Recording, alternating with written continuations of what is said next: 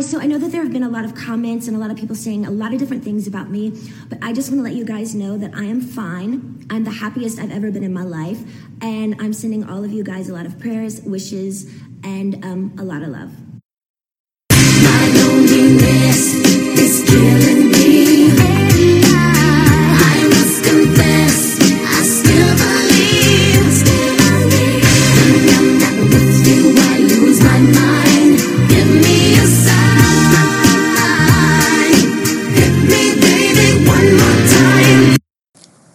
Sæl og blessuð og velkomin í popsálina.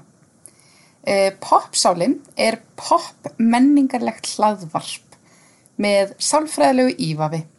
Fari verður í mér sálfræðileg málefni sem að tengjast popmenningu og áhugaverða rannsóknir og pælingar innan sálfræðinar. Þannig að popmenningunni og, og sálfræðinni verður svolítið eh, blanda saman í þessum nýja, þessu nýja hlaðvarpi. Ég heiti Elva og er sálfræðikennari og námsrákjafi og ég er með MS gráði í sálfræði og óeðlilega mikla þörf fyrir að tjá mig. Ég er líka svolítið mikill píkupoppari og hef gaman af því að skoða fólk og rannsaka mannlega hegðun og eitt af því skemmtilegt sem ég geri er einmitt bara að sitja á kaffihúsi og horfa fólk. Vandræðilegt, ég veit það. En ég held að þetta sé alveg innan löglegra marka. Eh, Ég held það allavega. Mér langar að hefja þetta hlaðvarp á uppáhalds píkupopparunum mínum eða bara popprinsessunni sjálfri og það má sko vel tengja popprinsessun okkar, hana Britney Spears, við sálfræðina. Britney Spears er eflaust ykkur öllum vel kunnug en það hefur hún verið ábyrrandi og í umræðinni í rúmlega 20 ár. Já, ok, 20 ár. Mér finnst þetta svolítið svakalegt þegar ég segi þetta. Ég fæli sting fyrir hjarta og átta mig þá á því hvað ég er gömul sjálf. En, já, anyways, við Britney höfum sem sagt greinlega verið lengi samferða í kegnum lífið. E, þegar ég var nefnilega úlingur þá var ég mikil aðdáðandi og ég hætti því ekkert þegar það var ekkert lengur vinsalt eða töff að vera Britney Spears aðdáðandi. E, ég byrja bara svona að nota sálfræði þekkingu mína og svona sálfræði áhugan sem eitthvað svona yfiskinn og, og leta vera sem eitthvað svona ástæði fyrir því ég hefði svona ríkan áhuga á Britney. Um, og eins og þið eflust viti mörg hver þá hefur hún Britney mín gengið gegnum ímislegt og lengi verið á milli tannan af fólki. Í þessu hlaðvarpi ætla ég að fókus á það sem hefur verið ábyrjandi umræðinu undanfærin tvö ár eða frí Britney reyfinguna og þá sjálfræði sviftingu sem hún hefur gengið í gegnum. E, ég gæti rætt um Britney og hennar sögu, ástarmál, frábæru lög og plötur alveg endalust. En ég, e, ég ætla að fókus á þessa sálrænu þætti hér og þessa frelsi sviftingu og reyna að komast að því hvort verið sé að kúana eða haldinni fanginni líkt og sömu vilja meina vilja meina, eða hvort, að, eða hvort það að halda sjálfræðinu eða frelsinu frá henni sé mögulega það rétta í stöðunni.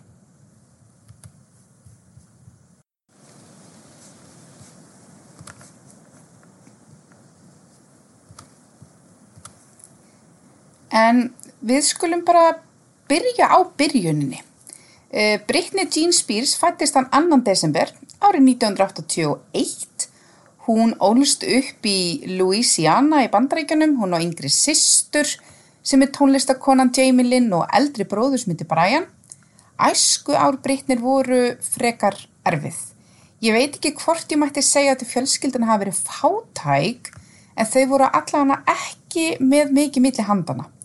Pappi Britney, hann Jamie Spears er til dæmis sagður hafi verið frekar drikkfeldur og hafa þau Britney átt í mjög bara svona storma sömu sambandi og segja má að Britney hafi í rauninu bara verið alin upp til þess að verða fræg. Hún vissi snemma hvað hún vildi gera og fóreldrarna stutta hana mikið í því og ferðust me með hana e, í alls konar áhernapröfur og leituð upp ímins tækifæri fyrir hana til þess að verða stjarnar. Og þegar hún var átt ára þá reyndi hún fyrst að komast inn í Mikka Músklúpin sem að var svona vinsæl söngu á dansþáttur á Disneystöðinni. Hún komst nú ekki inn og var beðin um að býði tvö ár og, og þroskast aðeins og tveimur ára setna þá fekk hún tækifærið og hún leki þáttunum ásamt Kristínu Aguilera, Ryan Gosling og Justin Timberlake sem að setna var nú kærastin hennar eins og ég held að flestir viti. En það vita það kannski ekki margir en eftir að sjónastættirni voru uh, kansilaðir þá var unnið að því að mynda stelpuljómsveit, svona í anda spæskur sem á þessum tíma voru svona stelpu og strákarhljómsveitir mjög vinsalar, svona Backstreet Boys og Spice Girls og NSYNC og svona. Þessi hljómsveit nefndist Innocence og átti Britni að vera partur af þessari grúpu. En foreldurum Britni var ráðlagt að velja frekar bara svona solo artista leiðina fyrir dóttu sína. Árið 1997 þá gerði Britney samning við Jive Records þá bara 15 ára og fyrsta platan hennar, Baby One More Time, kom út árið 1999 og sló í gegn sem og setni platan, Oops I Did It Again, sem kom út árið setna. Hún byrjaði á því að halda bara svona litla tónleika í verslunarmiðstöðum hér og þar um bandarækinn en stóra tækifari bankaði svo alls svakalega upp á þegar hún var valinn til að vera upphittunadrið fyrir NSYNC. En NSYNC var mjög vinsæl strákarhljómsveit þar sem að Justin Timberlake, vinur hennar úr Mikkamúsklúpnum, var í. Næstu plötur Britney, uh, Britney sem gefin var út 2001 og In the Zone 2003, slóðu líka í gegn og hún fekk tækifæri til að leika í kvikmyndinni Crossroads árið 2002 hafiði séð Crossroad. Þetta er merkjuð úlingamind. Um, þetta er úlingamind, frábær úlingamind sem engin önnur en Grey's Anatomy snillingur í Sjónda Ræms skrifaði. Og með Britney þá leku þær Zoe Saldana og Tarin Manning aðal hlutverkin í myndinni. Gaman að segja frá því að Tarin Manning, sem ég held að margir þekk ekkert endilega, hún leik einmitt líka hlutverk í M&M myndinni, hérna 8 Mile og svo var hún í hljómsettinni Boomkat með bróðu sínum.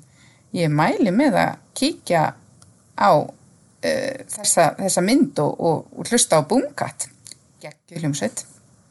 En já, aftur á Britney okkar. Að mínu mati þá gaf Britney út bestu plötunum sín árið 2007. Vann metin plata. Platan heiti Blackout.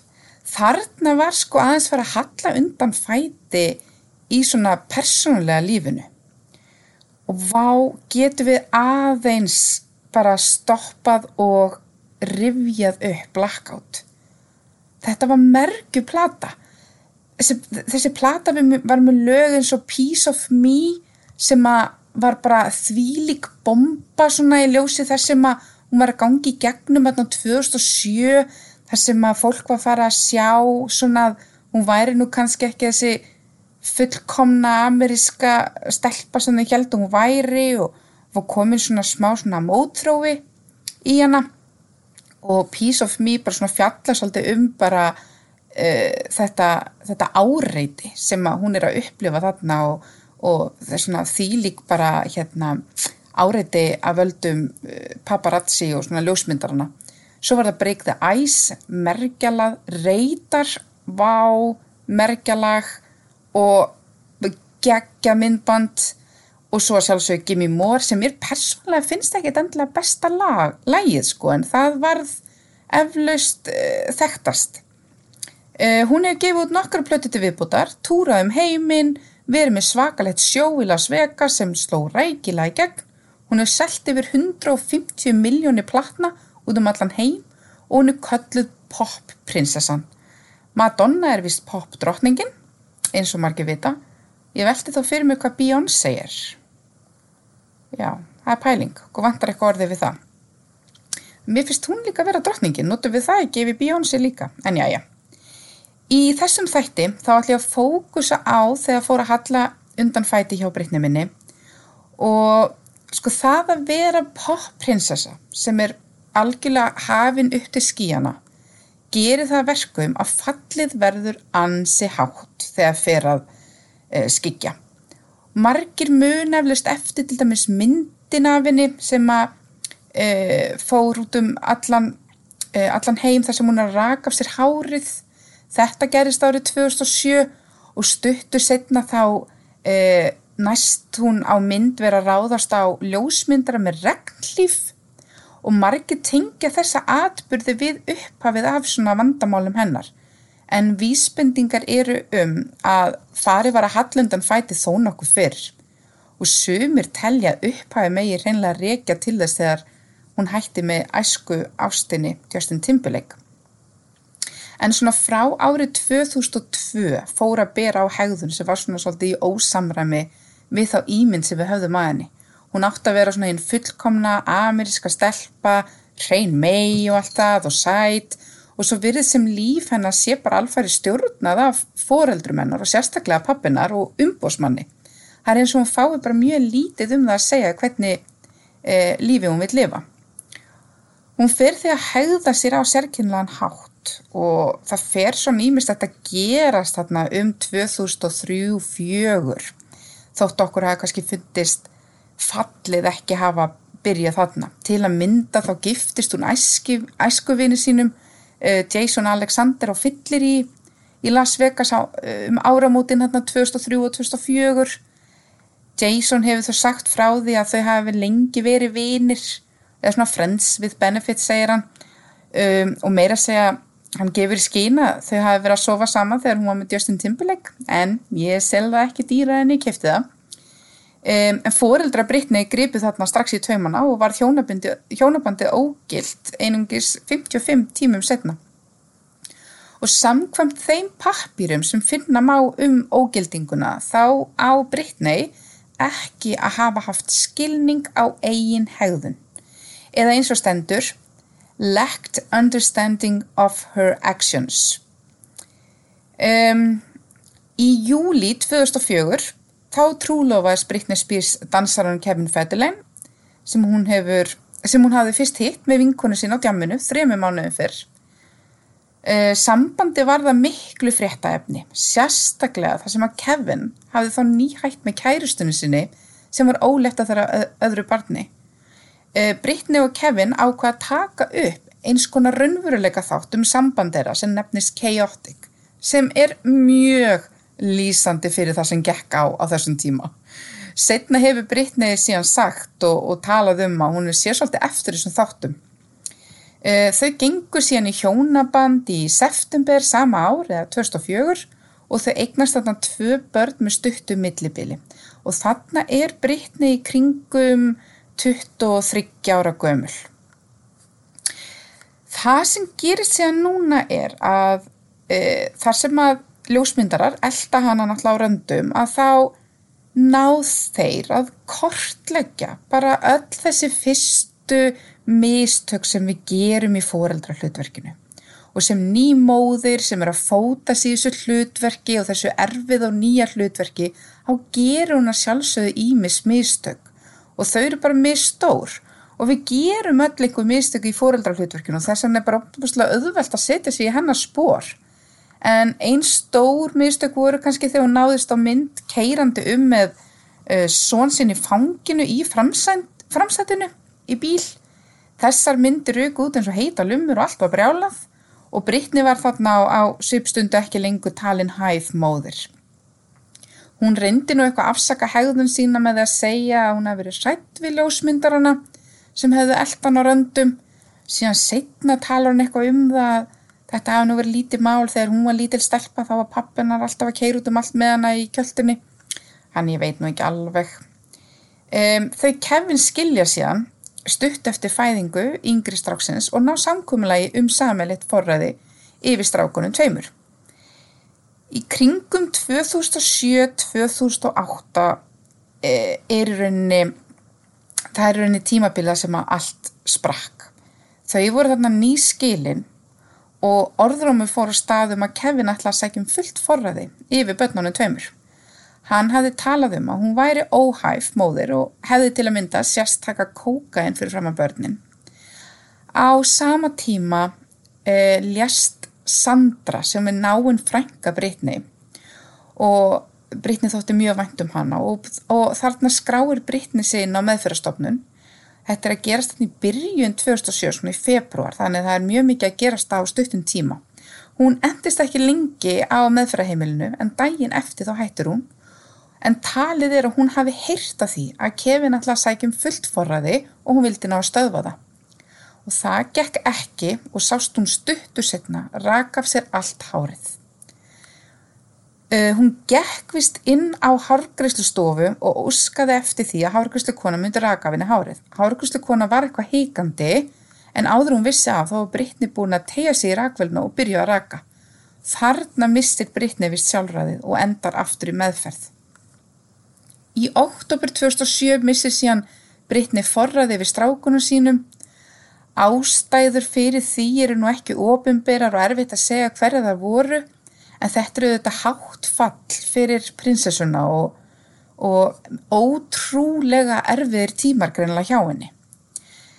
Uh, við alheimurinn fáum að sjá fallið, við fáum að sjá hreinlega bara uh, slow motion útgáfu af þessu fallið þegar hún mætir á svið á MTV verðlunaháttíð og mæmar og dansar hérna innan gæsalappa við lægi Gimme More. Það muna margir eftir þessu þar sem að elsku stelpan stendur varla í lappirnar á sviðinu. Hún var greinilega undir áhrifum eða bara allavega ekki, ekki í jafnvægi.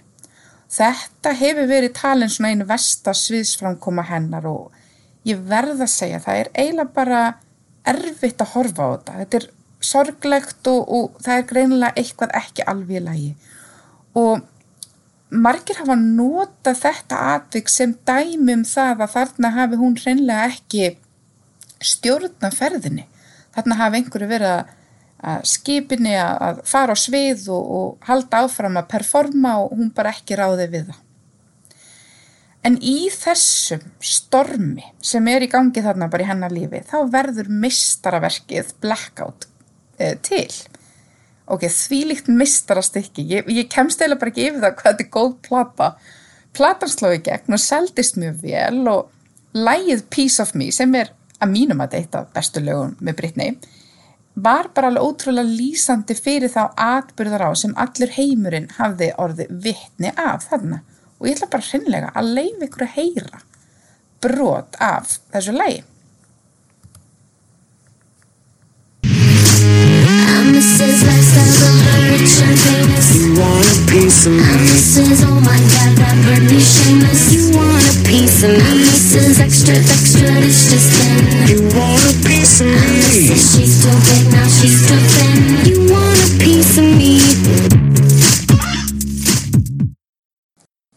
Já, eins og heyri í þessum texta þá er hún náttúrulega að vísa í bara þessa pressu sem að hún upplifir. Hún er annarkort of feit eða of mjó eða of uh, bara, já, of mikil og, og, og fólk vil bara brota af henni. You want a piece of me. Um, Merkjalag hviti ykkur til þess að hlusta. En stormurinn held síðan bara áfram að blása og uh, árið eftir 2008 var ekkert betra það var einn daginn hann í janúar þar sem að hún fær strákana til sín og og fær þá þarna í heimsókn og þegar kemur að því að hún eigi að láta Kevin fá börnun aftur þá neytar hún. Hún læsi sig vist inn á baði og neytar að koma út með strákana og lauruglan er köllu til og þetta endar allt með því að Brittany er þarna borin út á börum og þetta hafa margir sér líka í fjölmjölum og þarna er hún svift sjálfræði tímabinduð og, og lögðin á, á geðdelt. Í Kaliforníu þá kallast þetta 5150 hold en 5150 er þegar hægt er að svifta mannesku sem er í hættu eða líklega til að lækja aðra hættu sjálfræðið í 72 tíma til að koma manneskunu undir læknis hendur. Mér langar að fara hans nánar út í bara hvað það er að missa sjálfræði eða lögræði. Sjálfræði merkir raun það að geta ráðstafað sínum málum sjálfur, öðrum en fjármálum, en það myndi falla þá undir fjárræði. Saman þá myndar sjálfræði og fjárræði þessi við kallum lögræði. Lögráða uh, verður við á Íslandi þegar við erum átjónara og sumir eru ekki hæfir til þess að sjá um öll sín mál sjálfur og geta þeir e, þóttu sjórnir áttinara. Þetta getur til dæmis átt við þegar einstaklingur er að díla við sjúk, geðsjúkdóma eða er með mikla þroskaskerðingu eða af einhverjum orsökum get, getur ekki talist ábyrgur gerða sinna. Þessa einstaklinga er hægt að svifta lögræði eða eftir aðtökum annarkvært sjálfræði eða fjárræði. Og það skýrst ekki fram að þetta er einungi skert ef að brín nöðsin sé og engin önnur úrræði hafi virkað. Um, venjulega talað um það að einstaklingur sem að missi sjálfræði eða fjárræði um, er uh, mjög andlega veikur eða með einhvers konar minniströskun eins og Alzheimer eða sögum ofdrykju eða ofnótkun ávan og fíknefna er ekki fær um bara hreinlega að ráða sínu persónlegum högum og, og, og fíi. Það er að sjálfsögur ljóst að mjög varlega verður að fara þegar tekinu ákverðin um sviftingu lögræðis eða sjálfræðis enda mikilvæg mannréttindi að fá að ráða sig sjálfur. Þannig að sviftingin, neð þannig að sviftingin á ekki að ganga lengra eða standa lengur en nöðsilegt er. Og það er skilirði að það sé dómsúrskurður bak við þessa sviftingu. Og það er hlutverk dómar að meta hvenar maður er það illa haldin af uh, geðsjúkdómi eða áfengisfíkn eða elli sljóleika eða minniströskun að réttlætalegt sé að svifta mann lögraði. Það er ekki nóg að læknir fullir þeim að sé veikur. Dómari þarf að vera sannferður um að svo sé og það sem meira er að ástandi sé það slæmt að viðkomandi getur ómögulega séð um sig sjálfur. Þannig hér þurfa tvímæla laust mjög sterk rauk að koma til. E, til dæmis bara það að manneskjanir er hættuleg sjálfum sér eða hættulegur öðrum eða er farin að eigða pening á óábyrgan máta. Þær upplýsingar sem ég fann um þetta í bandaríkuna sem við kallum þetta conservatorship eða svifta einhver sjálfræðinu voru á það leið að til að hægt sé að beita þessu valdi þá þarf viðkomandi að vera ófær um að sjá um sjálfa sig. Hægt er að óskæfti því að taka við fjármálum einstaklings sem og svona hans svona persónlega lífin svo bara húsnaði og næringu og, og við hvernig hann talar um, ef að manneskjan er algjörlega ófær um að sjá hann sjálfa sig. Í bandaríkunum þá eru það aðalega eldri einstaklingar sem af einhverjum ástæðum geta ekki séð um sjálfa sig lengur til dæmis vegna Alzheimer, það sem beita þarf þessu ákvæði. En í einhverjum tilvikum, örfám tilvikum, er þetta notað yngri einstaklinga. Til að mynda þá hefur leikonan Amanda Bynes mist sjálfræði tímabundi til fóreldra sinna þegar hún var í neyslu eða var að gangi gegnum eitthvað erfitt tímabill. Í bandarískum upplýsingum kemur fram að til að beita þessu ákvæði e, þá, þá er hægt að, að, að vísa til þess að manneskjan sé alvarlega veik af geðröskun eins og þá kannski geðklofa eða alvarleg þunglindi, e, fíknivanda eða geðkvarasíki eða bæpólar. Það, en það að vera með geðröskun ein og sér er að sjálfsögðu ekki ástæða til að svifta einhvern frelsi sínu. Það sem þarf að vera til staðar er líka algjör vanhæfni einstaklingsins til að sjá hann sjálfa sig. Venjulega er þessu yngripi síðan bara beitt í skamman tíma og í mestalagi í ár í senn og það þarf alltaf að endur nýja og sína fram á einstaklingur getur ekki ennþá síðan sér sjálfur til þess að að þetta ákvæði halda áfram eða þessu yngripi verið að halda áfram.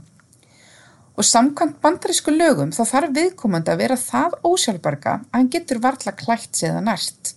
Manneskjan á í rauninni þá að vera ófær um að sinna sínum bara grunn þörfum.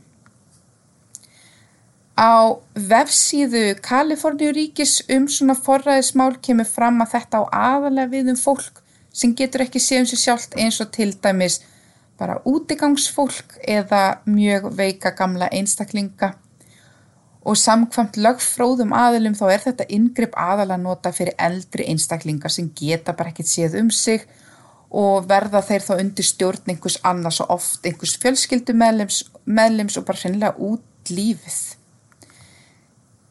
Í tilviki Brittany þá er fadur hennar forraðmaður yfir fjármálum hennar sem og bara persónlegu lífi. Eh, lögfræðingurinn Andrew Wallet er einni forraðmaður hennar.